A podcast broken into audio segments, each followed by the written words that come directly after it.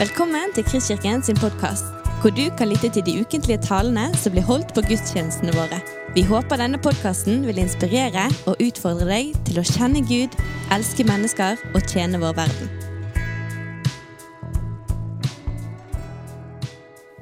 Ja, kjære alle sammen. Det er spesielle tider. Og eh, vi begynner vel flere av oss å kjenne på savnet etter å få se hverandre sånn som vi pleier. Jeg håper det står godt til med dere alle i de respektive hjem. Det kjennes naturlig å innlede med noen ord om det som har med koronasituasjonen å gjøre, men eh, temaet i dag er varme liv. Og det er tidløse saker. Dermed kan du for så vidt òg si at det er tidsaktuelle saker, for dette gjelder jo òg for denne koronatiden. Men eh, aller mest så går vi mot det tidløse der. Men innledningsvis har jeg lyst til å si noen ting om fasen vi er i. For eh, i en tale i høst kalt 'Hvordan kan jeg gjøre det beste ut av resten av mitt liv?' så kom jeg inn på dette som eh, skiller reisen med Jesus fra annen reisevirksomhet, nemlig at reisens hovedmål er å få bli kjent med turguiden. Det er ganske stor forskjell, sa jeg da, på om man setter ut på tur med Jesus med tanke på at nå skal livet bli bra, eller om du først og fremst tenker at du skal få bli kjent med Han på turen. Og Jesus han er relasjonelt orientert. Han er relasjonelt innstilt. Han jobber ikke i mitt personlige veivesen, der han går foran meg og jevner ut enhver hump og dump i min vei, sånn at veien min blir enklest mulig og reisen min mest mulig komfortabel. Nei, Jesus er fokusert på relasjonen, og godt er det. For det gjør til at relasjonen kan seire, styrkes og ta nye steg i alle slags terreng, også i dette koronaterrenget. Som vi ser i israelsfolkets Rødehavspassasje, så loser ikke Gud oss alltid utenom, men gjennom. Og på andre siden, for vi vil komme på andre siden, ut i greiere terreng etter hvert, så kan vi ha gjort oss verdifulle erfaringer med turguiden. Erfaringer som vi ikke får på en asfaltert veibane. Det er helt herlig eh, å se Paulus sitt brev til de troende i Filippi. Han skriver fra et fengsel, og ordet 'glede' og 'glede seg' er brukt 15 ganger i løpet av få kapitler. Og Det er som om han nesten bobler over i det han vil, vil få fram et eh, poeng. Det er så tydelig hva som er på toppen i hans hjerte. Kapittel 3 vers 1. Gled dere i Herren. Jeg blir ikke trett av å si det samme om igjen. Det er det tryggeste du kan gjøre. Og like etterpå så må man eh, nesten si ja, ja husket jeg å si 'gled dere i Herren', så ser vi kapittel 4 vers 4. Gled dere i Herren alltid. Ja, igjen vil jeg si 'gled dere'. Og det er som om han sier til vennene sine i Filippi at alt mulig i våre liv kan klappe sammen. Men Gud klapper ikke sammen. Ingenting i himmelen, ingenting på jorden kan rokke ved Gud. Han er Gud om alle land lå øde. Han er Gud om alle mann var døde. Han er Gud under alle forhold. Han er Gud over alle ting. La Han få være ditt livs klippe, ditt livs kilde, din livs glede. Under alle forhold. Under alle forhold er han hyrde og livgiver. Profeten Habakuk er på samme sporet når han avslutter sitt brev med dette. Fikentreet springer ikke ut. Vintreet bærer ikke. Oljetreets frukt slår feil. Markene gir ingen føde. Han har utryddet sauene av kveen, og det finnes ikke fe, fe i fjøsene. Men jeg vil fryde meg i Herren. Jeg vil juble i min frelses Gud. Det er som om alt i livet som ellers har vært med å tilføre og gi til liv, enten det er fikentre, vintrær, oljetrær, marker, sauer, fe Det er ikke sånn som det var. Det ligger nede. Men jeg vil fryde meg i Herren. Jeg vil juble i min frelses Gud. Jeremia sikter akkurat samme vei. Jeremia vers, eh, kapittel 17 vers 7. Velsignet er den menn som stoler på Herren og lar Herren være sin tillit. Han skal bli like tre som er plantet ved vann og skyter røttene ut ved en bekk. Det frykter ikke når heten kommer. Alltid har det grønne blad. Det sørger ikke i tørre år og holder ikke opp med å bære frukt. Her ser vi at omgivelsene kan være stramme og harde. Men hvor har vi våre røtter? Er de i Gud, så kan vi få slippe å sørge i det tørre. Vi kan òg få bære frukt i det som for mange andre er en tørr tid. Jeg har mange ganger i de, disse siste ukene tenkt på Josef i Gamle Testamentet. Han ble mot sin vilje ført til et totalt ukjent land. Til en helt ny verden. Han ble òg fanget og lukket inne i denne ukjente verden. Den normale verden var helt ute av syne for han, men det er tydelig at han fikk leve med Gud i denne innesperrede tilværelsen. Han kom både styrket og tilbedende ut. Og jeg tror vi settes på sporet av årsaken til dette i Salme 16 vers 8, hvor det står at alltid har jeg Herren for øye. På engelsk står det i am always thinking of the Lord. En annen oversettelse. Jeg setter alltid Herren for meg. Du vet, Guds ord er fantastisk. Paulus skriver til de troende i Rom at ordet er skrevet til lærdom for oss. Det er så mange troende før oss som har opplevd krevende tider, krevende ting, men som òg har opplevd å komme rik ut på andre siden fordi øynene underveis var festet på turguiden.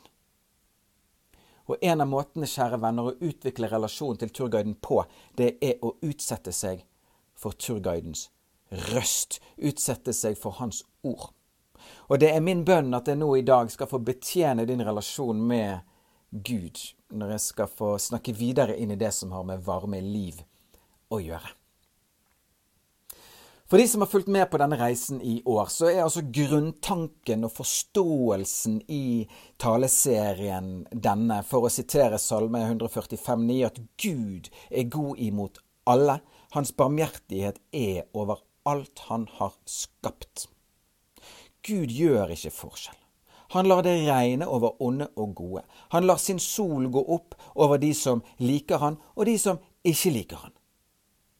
Men for oss mennesker er det lett å gjøre forskjell.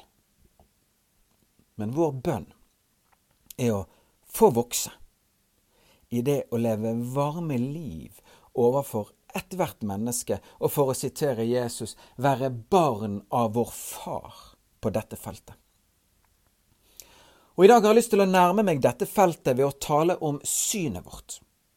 Når vi ser på vår neste, hvem er det vi får øye på. For jeg vil påstå at varme liv i stor grad handler om hvordan vi ser. Det handler om blikket vårt. For i møte med min neste, hvem er det egentlig jeg får øye på? Hvem er det egentlig jeg ser der? I Salme 8 spør salmisten Gud dette store spørsmålet Hva er et menneske? Klokelig går han til Gud for å se mennesket på riktig måte, fra en god vinkel. Gud, hvilket syn har du på mennesket? Hvilket menneskesyn har du? Og ut ifra Guds ord kan vi blant mange andre ting siterer Gud på dette at før jeg dannet mennesket i mors liv, kjente jeg det. Jeg formet mennesket kunstferdig i mors liv. Mennesket er mitt verk, skapt av meg. Hvert hår på deres hode er talt. Jeg lar mitt blikk hvile over dere. Mine øyne farer over hele jorden for kraftig å støtte mennesker. Dere er mer verd enn fugler. Dere er mer verd enn dyr. Dette er mitt syn på mennesket. Dette er mitt menneskesyn. Jeg kommer det i hu og gjorde det lite ringere enn meg sjøl. Gud setter altså mennesket så høyt. Fra tid til annen har dette spørsmålet kommet i min vei. Hvorfor skulle universets uendelige, ufattelige Gud komme til planeten Jorden? Hva er logikken i det? Hva motiverte han til det? Og Det beste svaret jeg har kommet over til nå, er at verdi motiverte han. I Matteus 13 forteller Jesus en lignelse om en mann som søkte etter vakre perler. Og da han fant en meget verdifull perle, står det, så solgte han alt han eide, og kjøpte perlen.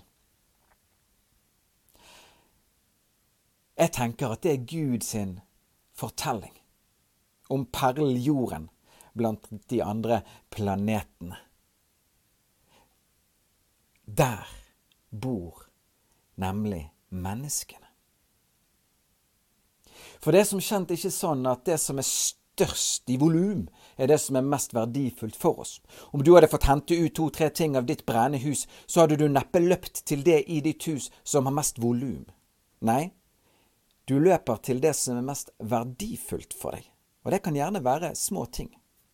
En ring, et album, et brev. Og venner, Gud har gjort en verdivurdering. Og han verdsetter mennesket så høyt at mennesket blir selve beveggrunnen for hans komme. Jeg har mange ganger tenkt på at en del av de englene som fikk være med å synge på Betlehemsmarken den gangen, må ha sunget med en klump i halsen. Tenk å svimle for de å se den uendelige Gud bli et menneske. Så høyt elsker han de, altså. Han gjorde det faktisk. Og venner, ikke bare krybben røper vår verdi for Gud, men korset gjør det òg. I en av eh, sangene til Jan Honningdal så synger vi dette at Gud, din nåde, den viser meg min verdi. En ufattelig pris har jeg kostet deg. Det er litt interessant akkurat det der med prisen det kostet Jesus. For Jesus er sjøl den som sier i her, fra, her sitert fra Lukas 14, 28. Hvem av dere som vil bygge et tårn, setter seg ikke først ned og regner etter hva det vil koste, om man har nok til å fullføre det med. Man altså regner ut prisen før man går løs på det. Jesus gjør en verdivurdering før han kommer. Og han finner ut at menneskene er verdt prisen. Det er derfor vi òg får et innslag av noe entusiastisk på korset når Jesus utbryter 'Det er fullbrakt'. I Hebreerne 12 står det dette at Jesus led tålmodig på korset for å oppnå den glede som ventet han. Så Jesus hadde regnet ut prisen og fant ut at det var verdt prisen. Vi var verdt prisen. Så først lider Jesus som et menneske. Så lider han for mennesket. Så høyt verdsetter Gud mennesket. I påske nå vil vi stå ansikt til ansikt med dette underfulle og nådefulle atter en gang. Venner, la oss bare få ta imot dette. Få omfavne og akseptere det. Han er glad i oss. Han setter oss så høyt. Han har så høye tanker om oss. Det er bare sånn det er. Det er bare sånn han er. Han er for oss og ser på våre liv med raushet og med varme øyne. Og apropos varme øyne og varme liv. Hvordan kan vi få være barn av vår varme far, hvordan kan òg vi møte vår neste med et så varmt blikk? En del troende har kun ett svar i møte med dette. Det handler om å la seg bli elsket av Gud, og i den grad du sjøl kjenner deg elsket, vil du elske andre. Jeg tror det er hovedveien. Ingenting smelter opp vårt indre sånn som Guds varme gjør det. Det å sole seg i Hans kjærlighet har en helt unik helsebringende effekt på våre liv. Men kjærlighetens verden er stor og rommelig, og det finnes flere veier til vekst i kjærlighet.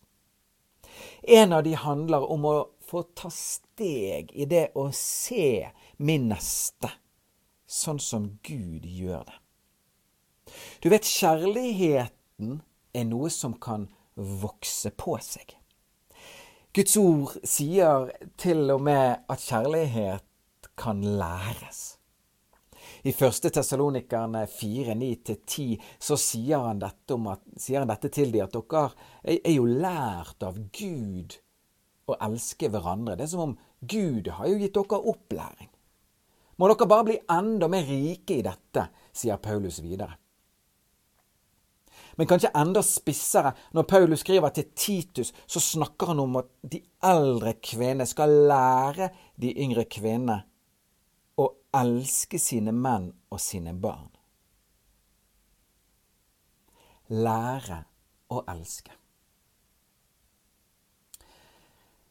En gang så kommer det en mann til Jesus, og så spør han dette. Hvem er så min neste? Hvem er min neste? Vi kan alltids tale med hverandre om hvem vår neste er, hvem nå enn det kan være. Det kan være neste person du møter på, neste person du står overfor eller forholder deg til på en eller annen måte, men selve spørsmålsformuleringen rommer òg en annen dybde. Jesus, hvem er min neste? Ikke bare fortell meg hvem. Fortell meg om. Hvem er egentlig min neste? Og mange ganger taler Jesus om hvordan og hvem vi ser. En gang bruker han den kjente metaforen om bjelken og flisen. Du ser flisen i din brors øye. Vel, du har en bjelke i ditt eget øye. Men stopper vi litt opp, da, så ser vi altså at Jesus snakker her om en person som holder på å se på en annen. Han tar opp persons syn på sin neste. En gang når jeg leste dette, slo det ned i meg som om Jesus sier, Håvard, du ser synden i din brors syn, men du ser ikke synden i ditt syn på han. Du ser synden i din brors syn, men du ser ikke synden i ditt syn på han. Overført. Du ser syn i din brors syn på det og det samfunnsaktuelle spørsmålet, men du ser ikke synden i ditt syn på han. Du ser synden i din brors syn på det og det teologiske spørsmålet, men du ser ikke synden i ditt syn på han. Du ser synden i din brors syn på det og det relasjonelle, familierelaterte spørsmålet, men du merker ikke synden i ditt syn på han. Hvordan ser du på din bror? Hvem får du øye på? En velkjent illustrasjon er å tegne svarte flekker på et hvitt papir og spørre hva ser du? Mange ser de svarte flekkene, men hvem får øye på det hvite papiret? Du ser flisen i din brors øye, men ser du din bror? Ser du det verdsatte mennesket? Hvilket syn på mennesket har du? Hvilket menneskesyn har du? Og I dag har jeg lyst til å dele med dere tre av de ting Den hellige ånd har talt med meg om i møte med mitt blikk på min neste. Saker som har bidratt til å forme mitt syn på min neste, og som i neste rekke har gjort noe med mine tanker og holdninger i møte med mennesker. Saker som har ført meg på sporet av et varmere blikk og dermed et varmere liv. Det første var det selveste mor Teresa som satte meg på sporet av. Hun sa at hemmeligheten i hennes tjeneste var at hun elsket Kristus i sin neste. Det dypeste og innerste ved min neste er altså at denne er skapt av Gud i hans bilde. Kanskje er dette bildet blitt kraftig forvrengt med tiden av denne verdens ubarmhjertige og destruktive krefter, men det er likevel det innerste og mest sanne om min neste. Denne bærer Guds bilde. Guds liv, Guds pust, lever i min neste. Og det er jo litt etter litt få øye på Kristus i min neste. Det kjennes som en livslang læring, men det har satt meg på så fruktbare spor. Min kone er ikke bare min ektefelle. Kristus bor i hun. Hun er òg et synlig resultat av Guds finmotoriske evner. Hun er skapt, uttenkt, elsket. Hun er hans verk. Og for den som frykter Gud, kan dette òg inn i en form for sunn ærefrykt i møte med vår neste. Du er så sjelden. Du er så verdsatt. Så i møte med min neste øyner jeg ikke bare min neste, men òg Kristus. Og om jeg ikke alltid finner min neste elskverdig, så er Kristus alltid elskverdig. Og i det jeg elsker, er god mot, gir til min neste, så elsker jeg Han. For det jeg gjorde mot en av disse, hans minste, det gjorde jeg òg mot Han. Kjærligheten til Kristus kan altså bli en kjærlighetens drivkraft i møte med min neste. En annen sak jeg opplever Den hellige ånd har talt med meg om, og som gjør noe med synet på min neste, og som bidrar til å varme opp mine holdninger, det handler om at jeg ikke bare dømmer etter det jeg får øye på. For mennesker er som isfjell. Få prosent av min neste er synlig for meg. Hva vet vel jeg egentlig om alt som ligger under overflaten? Hva vet vel jeg egentlig om denne persons tapre ferd? Hva vet jeg om min nestes gårsdag, om min nestes fjorår, om tiåret eller livet min neste har bak seg? for å billedliggjøre eller konkretisere litt. I starten da Elisabeth og jeg var kjærester, satt vi mye på kafé sammen og pludret. Og mange ganger satt gjerne andre par der òg. Noen ganger sånne litt slitne par som ikke utvekslet et ord, men satt med kaffekoppen sin og så hver sin vei. Jeg husker at jeg kunne hviske litt sånn eh, lattermildt til Elisabeth at sånn skal vi ikke bli. Men med årene så har jeg tenkt annerledes og begynt å betrakte de samme situasjonene på en ny måte. Hva vet vel egentlig jeg? Om ikke dette paret har to uker bak seg med hele storfamilien i hus, eller om de akkurat har fått en tøff sykdomsbeskjed, eller at det bare er en felles pust i bakken i møte med to dypt uselviske personer som tjener i ulike deler av samfunnet og som bare trengte litt tid på samme sted. Jeg aner jo ikke. Så Håvard, ikke bare døm etter det lille du ser. Sagt på en annen måte, i møte med min neste, så betrakter jeg stort sett fotografier. Stillbilder som gir meg noen inntrykk. Men det finnes videoer. Det finnes en video av ethvert menneske, men den ser jeg ikke. Heldigvis ser Gud videoen, og han er raus og nådig med menneskene, og han tilgir gjerne. Han vet at mye av det rare og diskutable i våre liv er frukt som henger sammen med tidligere saker. Gud, må du gi meg nåde, slik at òg jeg møter min neste med raushet og ikke dømmer etter det lille jeg ser.